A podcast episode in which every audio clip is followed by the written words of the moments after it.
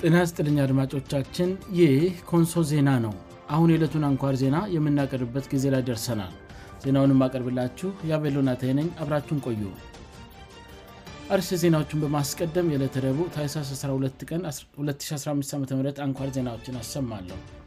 በኮንሶ ዞን ኮልመክላስተር በቀጠናዊ ሰላምና አንድነት ዙሪያ ውይይት መካሄዱ ተገለጸ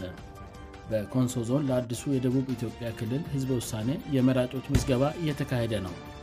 ብሪታንያ ገንዘባን ቀየረች አሁን ዜናውን በዝርዝር ያሰማለሁ በኮንሶ ዞን ኮልሜክልሰር በቀጠናዊ ሰላምና አንድነት ዙሪያ ውይይት መካሄዱ ተገለጸ በኮንሶ ዞን ኮልሜክልሰር በቀጠናዊ ሰላምና 1ነት ዙሪያ ከቀብለ አመራርና ከሌሎች የማኅበረሰብ መሪዎች ጋር ውይይት መደረጉን የውይይቱ ተሳታፊዎች ለኮንሶ ዜና ገለጹ ውይይቱ በዋናነት በኮልመ ህዝብ እና በአጎራባጅ የአለማህበረሰብ መካከል ለሚከሰቱ ግጭቶች ዋነኛ መንስ የሆኑ ምክንያቶችን መለየት ላይ ትኩረት ያደረገ ሲሆን የመልካም አስተዳደር ችግሮችም በውይይቱ መነሳታቸው ተገልጿል ውይይቱ የተካሄደው የኮንሶ ዞን ዋና አስተዳዳሪ አቶ ዳዊት ገበይው እና ሌሎች የዞን አመራር ጭምር በተገኙበት መሆኑ የተገለጸ ሲሆን የቀጠናውን ሰላም በሚያደፈርሱ ጉዳዮች ዙሪያ ሰፊ ውይይት ተደርጓል በቅርቡ በኮሎሜና በገዋዳ መካከል የእርቀ ሰላም ኮንፍረንስ መደረጉን መዘገባችን ይታወሳል የትናንትና ውይይትም በኮሎሜና በገዋዳ ህዝቦች መካከል ሰላምና አንድነትን በዘላቂነት ለማስፈን መደረግ ስለሚገባቸው ተግባራት በሰፊው መነሳቱ ታውቋል በየጊዜው የግጭት መነሻ ተደርጎ የምነሳው የኩኩበሳላ መረትና ሌሎችም የወሰን አካባቢ የግጦች መረቶች በውይይቱ የተነሱ ሲሆን ለዚህም መንግስት የሁለቱንም አካባቢ ህዝቦች ባሳተፈና መረት ላይ ያለ ነባራዊ ሁኔታን በትክክል ከግምት በስገባ መልኩ መፍትሄ እንዲያበጭለት ጥሪ ቀርበል ከዚህ በፊት እንደ አንድ ህዝብ አብረው የኖሩ በደምና በባህል የተጋመዱ ህዝቦች ተገቢ ባልሆነና በመንግስት መፍትሄ ሊያገኝ በሚችል ምክንያት አንድነታቸውና ሰላማቸው ሊደፈርስ አይገባምም ስሉ የውይይቱ ተሳታፊዎች ሀሳብ ማቅረባቸው ተገልጿል የመልካም አስተዳደር ጉዳዮችን በተመለከተ ኮልሜ ክላስተር ወረዳ አለመሆኑ እና ትክክለኛ የአስተዳደር ማዋቅር አለማግኘቱ ጋር ተያይዞ በአሁኑ ጊዜ ህዝቡን አንድ አድርገው የሚሰበስብ አመራር አለመኖሩ በህዝብ ጥረት የተጀመሩ የመንገድ ፕሮጀክቶች በሚፈለገው ፍጥነት እየተንቀሳቀሱ አለመሆኑ ና በክላስተር ደረጃ የብ ህዝብን የሚመራ አካል ባለመኖሩ አንዳንድ አላስፈላጊ የዘረፋ አዝማሚያዎችም በአንዳንድ አካባቢዎች መታየት ላይ መሆናቸው ተነስተል ከዚህ በፊት ሙሉ የኮልሜ አካባቢ ኮልሜ ክላስተር በምልና ፖለቲካዊ ፋይዳው በግልጽ በማይታወቅ አወቃቀር አመራር በኮሚቴ ደረጃ ተዋቅሮለት ሲተዳደር የነበረ ቢሆንም ከቅርብ ጊዜ ወዲህ በክላስተር ደረጃ ያለው አመራር መፍረሱን እና የመንግሥት አስተዳደር በቀበልያት ና በከተማ አስተዳደር ደረጃ ብቻ እንደሚገኝ ተገልጿል ይህ ሁኔታ ለህገ ወጦችም እድር እንዳይሰጥ ጥንቃቄ ይፈልጋልም ተብሏል በትናንትናው ስብሰባ በተቀመጠው አቅጣጫ መሠረት አላስፈላጊ የመልካም አስተዳደርእና የጸጥታ ችግሮች እንዳይከሰቱ በኮልሜ ክላስተር ውስጥ የሚገኙ ቀበልያት ልቀ መናብርጅ ከኮልመ ከተማ አስተዳደር ጋር እንድተሳሰሩና እንድናበበ መደረጉንም የመረጃ ምንጮቻችን ተናግረዋል ሰላምንና አንድነትን የማስጠበቅ ውይይቱም በሁሉም ቀበልያት ደረጃ እንዲወርድ ውሳኔ ላይ መደረሱም ከውይይቱ ተሳታፊዎች ለመረዳት ተችሏል ይህ ኮንሶ ዜና ነው በኮንሶ ዞን ለአዲሱ የደቡብ ኢትዮጵያ ክልል ህዝበ ውሳኔ የመራጮች መዝገባ እየተካሄደ ነው የኮንሶ ዞንን ጨምሮ በስድስት ዞኖችና አምስት ልዩ ወረዳዎች የኢትዮጵያ ብሔራዊ ምርጫ ቦርድ ጥሪ 29 ቀን 2015 ዓም ለማካሄድ ላቀደው የደቡብ ኢትዮጵያ ክልል ህዝበ ውሳኔ የመራጮች መዝገባ መጀመሩን የኮንሶ ዜና የመረጫ ምንጮች ገለጹ የኮንሶ ዞን የወላይታ ዞን የደቡብ ኦሞዞን የጋሞ ዞን የገዴዎ ዞን እና የጎፋ ዞን እንዲሁም የቦርጅ ልዩ ወረዳ የባስኬቶ ልዩ ወረዳ የአሌ ልዩ ወረዳ የአማሮ ልዩ ወረዳ ና የደራሼ ልዩ ወረዳ ከቀድሞው የደቡብ ብሄር ብሔረሰቦች ና ህዝቦች ክልል ወጥተው አዲስና የደቡብ ኢትዮጵያ ክልል የምር ስያሜ ያለው ክልል ለማቋቋም ማመልከታቸውን ተከትሎ ብሔራዊ ምርጫ ቦርድ ህዝበ ውሳኔ ለማካሄድ በዝግጅት ላይ መሆኑ ይታወቃል የህዝበ ውሳኔው የመራጦች መዝገባ በትላንትና እለት መጀመሩን በብሔራዊ ምርጫ ቦርድ በኩልም ይፋ ተደርጓል ብሔራዊ ምርጫ ቦርድ ትናንት በማኅበራዊ ትስር ገጹ በኩል በአሰራጨው መግለጫ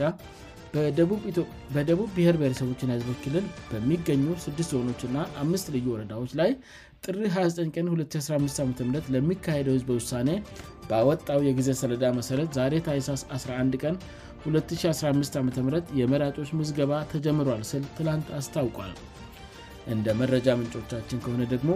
በኮንሶ ዞን 152ይል የህዝበ ውሳኔ ሰዎች እንደሚመዘገቡ ይጠበቃል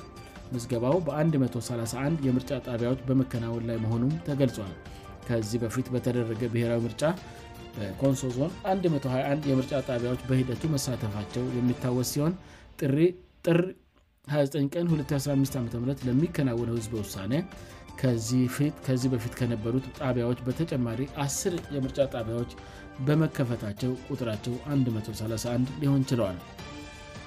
በኮንሶ ዞን በተለያዩ እርከን የሚገኙ የመንግሥት የስራ ኃላፊዎች ህብረሰቡ ተመዝግቦ በህዝብ ውሳኔ ንቁ ተሳታፊ እንዲሆን በርብርብ በመስራት ላይ መሆናቸውም ታውቋል ከላይ በስም የተገለጹ ስት ዞኖችና አስት ልዩ ወረዳዎች በአንድ አዲስ ክልል ይደራጁ የሚለው ሀሳብ በነጭ ርግብ ተወክለው ለምርጫ የሚጠርብ ሲሆን ከላይ በስም የተገለ ስት ዞኖችና አምት ልዩ ወረዳዎች በአንድ አድስ ክልል አይደራጁ የሚለው ሀሳብ ደግሞ በጎጆ ቤት ተወክሎ ለምርጫ እንደሚቀርብ ምርጫ ቦርድ አስታውቋል ከዚህ በፊት አይደራጁ የሚለው ተቃድናዊ ሀሳብ በነጭ ላም እንደሚወከል በብሔራዊ ምርጫ ቦርድ በኩል የተገለጸ ቢሆንም ብሔራዊ ምርጫ ቦርድ ባለፈው ሳምንት መጨረሻ ላይ የህዝበ ውሳኔ ምልክት ስለመቀየር በሚል በማኅበያ ትስር ገ በሰፈረው አጭር መግለጫ የፌደሬሽን ምክር ቤት ለቦርዱ የዚህ ህዝበ ውሳኔ አማራጭ ምልክት ነጭ ላም መሆኑ ቀርቶ የደቡብ ብሔር ብሔረሰቦችና ህዝቦች ክልል መስተዳድር አርማ የሆነው ጎጆ ቤት እንዲሆን ጥያቄ በማቅረቡ ቦወርዱም የምክር ቤቱን ጥያቄ ተቀብሎ ከላይ የጠቀሱት ስድስቱ ዞኖችና አምስቱ ልዩ ወረዳዎች በአንድ የጋራ ክልል መደራጀታቸውን አልደግፍም ለምለው የህዝበ ውሳኔ አማራጭ ሀሳብ ምልክት ጎጆ ቤት እንዲሆን መወሰኑ ያስታውቃል ስል የምልክት ለውጥ ማድረጉን አስታውቋል ይህ ኮንሶ ዜና ነው ብሪታንያ ገንዘቧን ቀየረች የእንግሊዝ ባንክ በፈረንጆቹ መስከረም 8 ቀን 2022 ዓም በዩናይትድ ኪንግደም ዙፋን ላይ የንጉሥ ቻርለስ ሳልሳዊ ምስል የያዙ የመጀመሪያዎቹን የባንክ ኖቶች አስታውቋል የ74 ዓመቱ ንጉሥ የሀገሪቱን ዙፋን ከናታቸው ከንግሥት እልሳቤት ዳግማዎች ወርሰዋል የእንግሊዝ ባንክ የንጉሥ ቻርለስ ሳልሳዊ ምስል የያዙ እነዚህ የገንዘብ ኖቶች ከላስቲክ መሰራታቸው ተነግሯል የገንዘብ ኖቶቹ ከፈረንጆቹ 2024 አጋማሽ ጀምሮ ለስርጭት ዝግጁ እንደሚሆኑ የተነገረ ሲሆን ከሚቀጥለው ዓመት አጋማሽ ጀምሮ በብዛት መመረት ይጀምራል ተብሏል የብርታንያ ማይከላዊ ባንክ ከትናንት በስቲያ ሰኞ በወጣው መግለጫ የንጉሱ ምስል የባንክ ኖቶች ንድፍ ላይ ማሻሻ ሳይደረግ በአ በ10 በ20ና በ50 ፓንድ ስተርሊንግ ኖቶች ላይ ይታተማል ተብሏል የንጉስ ቻርለስ ምስል የእናታቸው ምስል በሳንቲሞች ፊትና ጀርባ ላይም ይተካል ተብለል እንደ አጃንስ ፍራንስ ፕሬስ ዘገባ የብርታንያ ማይከላዊ ባንክ ቃል አቀባይ በዚህ ገንዘብ ላይ የታተመው ምስል በፈረንጆቹ በ2013 በንጉሳዊ የሰብ የቀረበ ምስል ነው ይህም ንጉሡ የመጨረሻውን ምስል ማጽደጉን ያሳያል ነው ያለው የእንግሊዝ ባንክ የንግሥት ርሳ ቤት ምስል የያዙ የባንክ ኖቶች ከአዲሶቹ ሳንቲሞች ጋር በትይዩ መሰራጨታቸውን እንደሚቀጥሉም አመልክቷል በብሪታንያ በአሁኑ ጊዜ የሟች ምግሥት እርሳቤት ዳቅማውት ምስል እያዙ ወደ 27 ቢሊዮን የሚጠጉ ሳንትሞች አሉ ሳንትሞቹ ካልተበላሹ ወይም ካልተጎዱ መስተቀር እንደማይተኩም ተነግረዋል ይህ ኮንሶ ዜና ነው አድማጮቻችን ዜናውን ከማብቃቴ በፊት አርስ ዜናዎችን በድጋሚ ያሰማለሁ በኮንሶ ዞንድ ኮልሜ ክላስተር በቀጠናዊ ሰላምና አንድነት ዙሪያ ውይይት መካሄዱ ተገለጸ በኮንሶ ዞን ለአድሱ የደቡብ ኢትዮጵያ ክልል ህዝበ ውሳኔ የመራጮች መዝገባ እየተካሄደ ነው ብሪታንያ ገንዘቧውን ቀየረች ዜናው በዚያ በቃ አድማጮቻችን የዕለቱ አንኳር ዜናዎቻችን ይህን ይመስሉ ነበር ስላዳመጣችሁን እናመሰግናለን ኮንሶ ዜና በቀጣይም በተመሳሳይ ዝግጅት እንደሚጠብቁ ተስፋ ያደርጋል እስከዚያው በደና ቆዩ